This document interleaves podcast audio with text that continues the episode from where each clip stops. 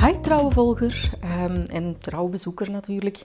Heel fijn dat je vandaag ook weer luistert. Vandaag heb ik het over een onderwerp waar je vast al heel veel over gelezen hebt. Um, nu, ik wil dit onderwerp eigenlijk een beetje meer uittypen uh, ten opzichte van alles wat ik zelf lees en gehoord heb en meer toetsen aan de praktijkervaringen die ik hier heb opgedaan. Namelijk meningsverschillen. Meningsverschillen kunnen zich uiten op verschillende terreinen, zoals jullie weten. Hè. Kunt hebben met je kinderen, uh, met broers, zussen, uh, ouders zelfs, collega's, maar ook in je partnerrelatie. En dat is iets wat bij mij heel vaak in de praktijk voorkomt. De vraag van Aloka, hoe ga ik om met meningsverschillen in mijn relatie? Ik ben zo bang dat ze uitmonden tot ruzies, wat ze dan ook vaak doen. Kun jij hier een oplossing voor bieden? Wel, een kant-en-klare oplossing is er zeker niet. Hè. Het hangt ook een beetje af van de aard van meningsverschillen waar jullie het over hebben. Maar er zijn zeker en vast wel uh, tips en tricks um, om hier overheen te komen. Eerst en vooral is het heel belangrijk om te weten dat een meningsverschil niet meteen een ruzie hoeft te zijn en dus ook helemaal niet meteen het einde van een relatie. We zijn allemaal aparte individuen, we hebben allemaal een eigen wereldbeeld, eh, een eigen vorming gekregen, dus het is ook wel logisch dat je met je partner over bepaalde onderwerpen niet altijd op één lijn zit. En dat uit zich wellicht ook wel eens in opvoeding of in um, relatieverwachtingen, waar ik het al eerder over gehad heb. Um, over de manier waarop jij de dingen in de maatschappij aanpakt, bijvoorbeeld. En dat kan best wel heftig zijn. Nu, alles valt en staat bij het feit dat, dat er gecommuniceerd wordt. En dat is meteen het grootste voordeel dat ik ook wil aanhalen bij meningsverschillen. Jullie praten tenminste nog. Tot zolang er communicatie is, is er nog heel veel uh, mogelijk. Dus dat eh, is het goede nieuws natuurlijk. Nu, de, de lijn tussen een eh, meningsverschil en een zware discussie of een ruzie, die kan heel dun zijn als je niet constructief met dat meningsverschil omgaat. En wat wil dat concreet zeggen? Um, je bent het niet eens over iets, um, je wil dat uiten naar je partners toe en dat landt niet altijd even goed zoals jij dat had gewild. En dat kan aan een aantal factoren liggen. Misschien was het moment niet helemaal het juiste moment. Misschien was jouw partner druk met andere dingen bezig en haal je hem of haar uit die modus, uit die focus zelfs, om dat probleem of onderwerp te bespreken. Dus dan ga je al sneller de kans hebben dat je korte reacties krijgt of reacties die niet binnen jouw kader vallen. dus let zeker op het moment waarop je iets aanbrengt. En ik zou zelfs zeggen, maak die momenten. Dus niet wachten tot het moment rijp voor is. Want als je in die uh, meningsverschillen verzand bent, komen die niet ook, ook, niet zo makkelijk. Dus creëer het moment.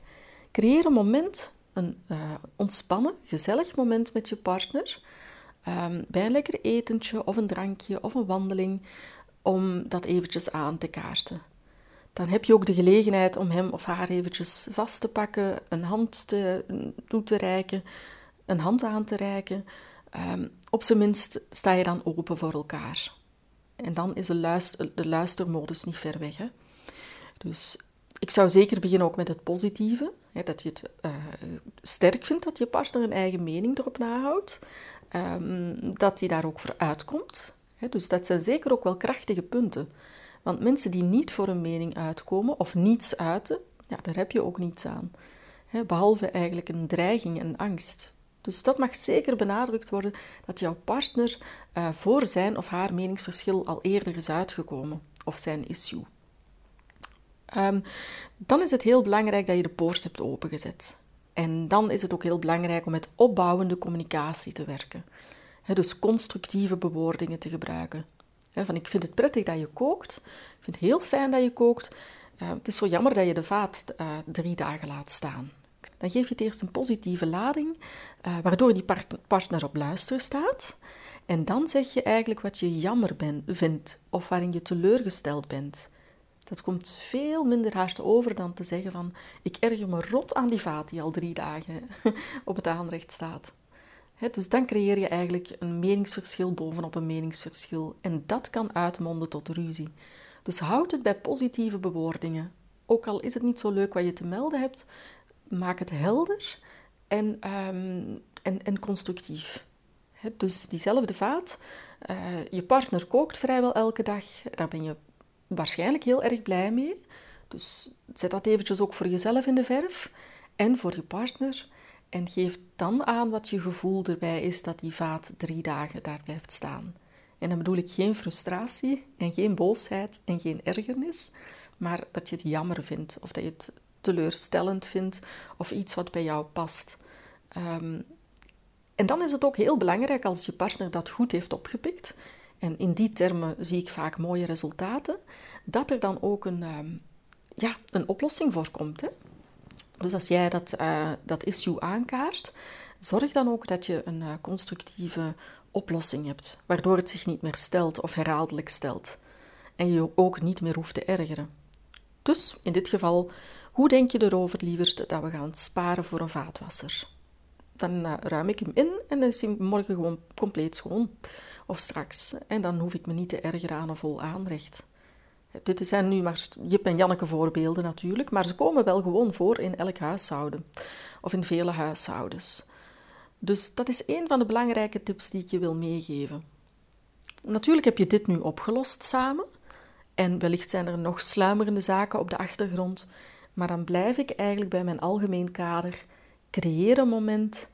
Dus haal je partner niet uit een, uit een uh, modus waar hij, hij, of zij op dat moment niet uit kan of wil.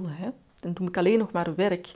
Maar het kan ook zijn dat die, dat die planken aan het zagen is of dat zij uh, momenten aan het inplannen is om voor zichzelf leuke dingen te gaan doen. Dan kom je best niet aandraven met: hey schat, gaan we eens even om tafel zitten. Want dat klinkt heel veel spannender dan het in werkelijkheid is. Dus um, heb jij ook het idee dat je tegen verschillende uh, meningsverschillen aanloopt? Um, bedenk dan eerst en vooral dit. Hè. Nogmaals, een meningsverschil is niet het einde van een relatie. Wanneer kun je wel een einde van een relatie creëren? En dat is wanneer je richting ruzie gaat. Wanneer je woorden als ergernis gebruikt. Um, wanneer je woorden als uh, gefrustreerd gebruikt. Boos, ik ben boos dat je dat niet gedaan hebt. En waar heel weinig mensen bij stilstaan, als de gemoederen heel erg verhit zijn, dan komt er heel vaak ja, maar tevoorschijn. En dat is natuurlijk in de verdedigingsmodus dat je dan terecht bent gekomen. Ehm, stel jezelf de vraag: moet ik me verdedigen op dat moment? Die ja, maar die landt zelden goed. Waarom? Omdat je dan eigenlijk al op tegenstand staat. Die maar die, die, die schept werkelijk een blokkade tussen wat er gezegd is en wat er nog moet komen. Dat is vaak sneller geuit dan dat je erover nagedacht hebt, maar het is een bijzonder belangrijke. Ja, maar is een communicatiekiller. Um, nog zoiets. Um, altijd en nooit wordt heel vaak gebruikt wanneer um, de gemoederen al hoog opgelopen zijn. Jij laat ook altijd die vaat staan hè? en jij doet ook nooit eens wat om het op te ruimen. Weet je, als, als we in, een, in die ruziesferen zitten of in die discussiesferen, dan zien we ook niet meer wat er wel gebeurt. Of wat er wel gebeurd is. Dan zie, dan, je partner als iemand die altijd een sloddervos is en nooit wat opruimt. Maar als je heel eerlijk naar jezelf kijkt, dan denk je van oei, hij doet dat toch wel, of zij doet dat toch wel drie à vier keer per week. Uh, dus nuanceer dat. Die altijd of nooit zeggen we heel vaak zonder nadenken en in het heetst van de strijd. Um, en altijd en nooit komt eigenlijk zelden voor. Hè. Um, in al die twintig jaar bijvoorbeeld dat jullie samen zijn, of in die, al die tien jaren dat jullie samen zijn, zal je partner wellicht de sloffen wel eens um, weggezet hebben. of zal die wellicht eens over een ander issue nagedacht hebben. En het is aan nu, aan jullie, om, um, om, daar, om daar constructief mee om te gaan. Hè. Terugkerende conflicten wil eigenlijk gewoon zeggen, of terugkerende meningsverschillen in dit geval, wil eigenlijk zeggen dat het nooit opgelost geraakt is. Dus kaart het aan in een ontspannen sfeer. Um, gebruik constructieve bewoordingen om het uh, gesprek te beginnen. En praat over jouw gevoel. Teleurstelling, ontgoocheling, jammer, spijtig. Dat landt vaak beter. En houd termen als ja maar en nooit en altijd buiten de deur. En ik verzeker jullie dat het zeker beter zal gaan. Ik, kan, ik, heb, ik, ik heb geen garantie dat alles dan meteen smooth verloopt, maar je helpt je partner alvast om over zichzelf na te denken en je helpt jullie relatie om, um, om conflictoplossend met elkaar om te gaan. En dat laatste is enorm belangrijk. Ik wens jullie hier heel veel uh, succes in. Mochten jullie er zelf niet uitkomen, want dit zijn natuurlijk de, de, ja, de meest voorkomende zaken. En uh, meningsverschillen kunnen over legio aan onderwerpen gaan natuurlijk. Dus uh, mochten jullie hier niet uitkomen, aarzel niet en uh, boek een gratis en vrijblijvend intakegesprek. Ehm, ik luister graag naar jullie en dan kijk ik ook tijdens zo'n intakegesprek hoe en wat ik voor jullie kan betekenen. Ik wens jullie een fijne dag nog.